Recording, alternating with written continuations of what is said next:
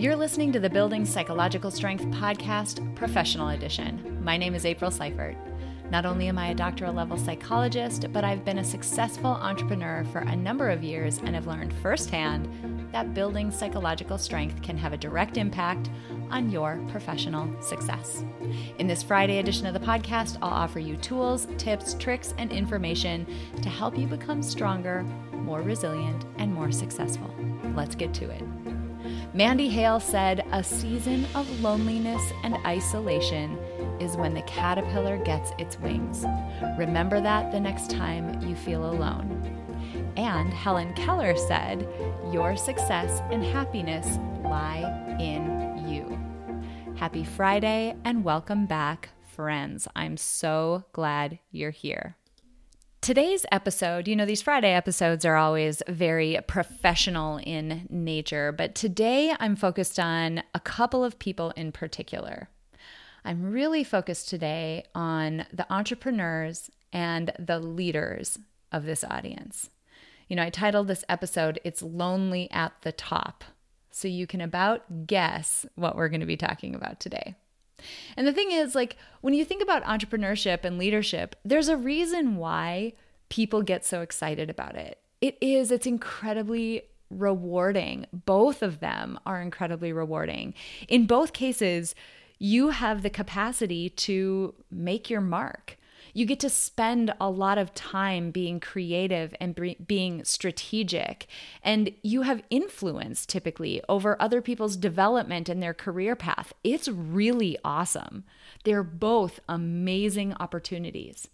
But there's a dark side, and it catches people by surprise sometimes. And that dark side is loneliness.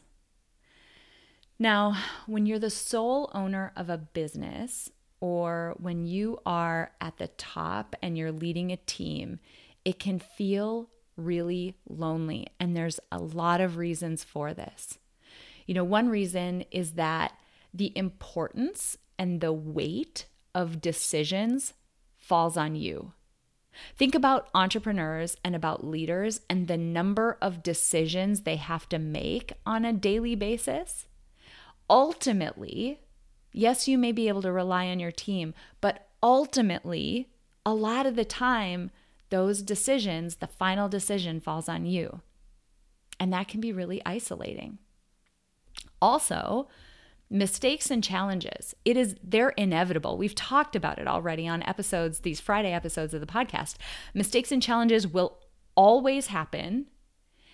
And a lot of the time they're yours to sort out you have to figure out a way to get over them or or to move past them and again that can be really isolating it can all feel really lonely at times and I want to dive into this today as a topic and with some intentionality.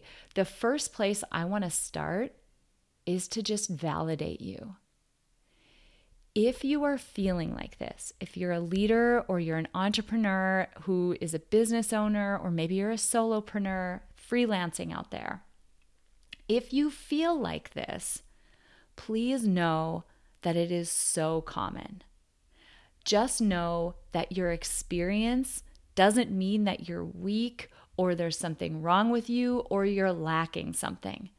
It's just very common among people who are in entrepreneurship roles or in leadership roles. And it's also really understandable, right? I mean, let's think about this. Let's think about us as human being, human being animals. We as human beings, we are social beings. And what this means is that again, now think about the trajectory of how your how your say quarter, a 3 month chunk goes as an entrepreneur or a business leader. It's up and down, right? There's a roller coaster there. There are incredible highs and there are the depths of lows. And as social beings, when something bad or something good happens to us, we naturally look around for people to connect with about it. You know, so if something difficult happens, if a challenge arises, if you know you get bad feedback or or you didn't perform as well as you wanted to, if something bad happens, we look around for people to lean on for support. And when something good happens, you land a new client or you make a big you know push forward in your product or service or something else amazing happens things open up for you we naturally look around for people who can help us celebrate that social connection to people in each of those situations is so stabilizing for it and the fact of the matter is we don't always get it to the degree that we need it that social connection piece when we're leading a company or leading a team. Now, particularly when things are challenging, the weight of that challenge and the responsibility for solving it can fall sometimes solely, or the majority of it can fall directly on you, the leader. And it can feel crushing. And not only that, but the nuance of the situation is likely difficult to explain to somebody else who isn't in that same situation. Sometimes it can be tough to even get our friends or our family members to understand so that they can support us and be there for us in a way that would help.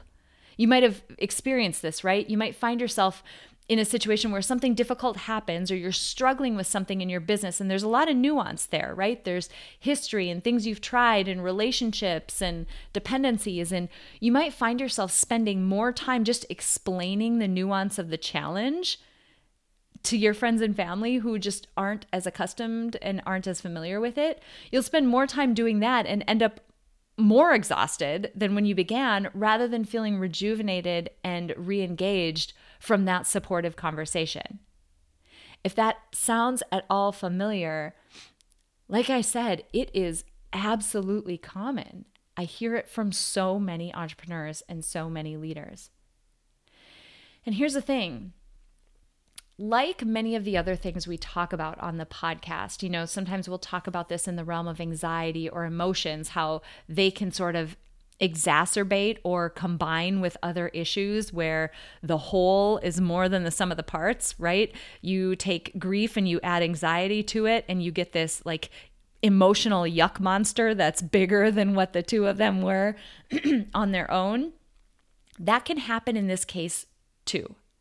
So, loneliness in this context it can exacerbate other issues. So, for example, when you face a challenge and you're feeling lonely as a business owner, or you face a challenge and you're feeling lonely as a leader, that challenge can seem way bigger than it would feel if you didn't feel so alone.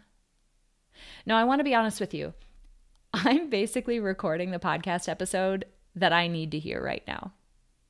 I personally, in my entrepreneurial journey, am in a transition period and it's a very lonely period of my entrepreneurial journey. And I'm facing some really big challenges. And because of that, those challenges feel really big right now.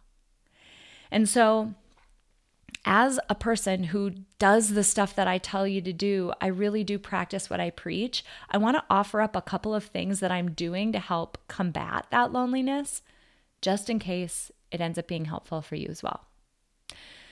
So, the first thing that I'm doing is around helping me in that social setting. I have an incredible friend named Aaron who is the founder of an entrepreneurial group in the Minneapolis area. This group is called Coalition 9. I've talked about them before. And I was on the phone with him the other day. He was just being a great friend and checking in on me. And one of his suggestions was so great because I was contemplating this, right? Like when you're on your own journey, that connection to other people, that social connection that's of the type that you need, I'll get into that in a second, that can be hard to get.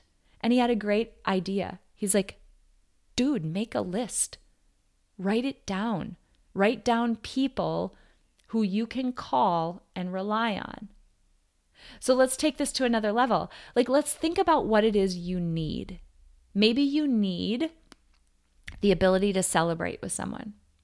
Maybe you also need the ability to strategize with someone.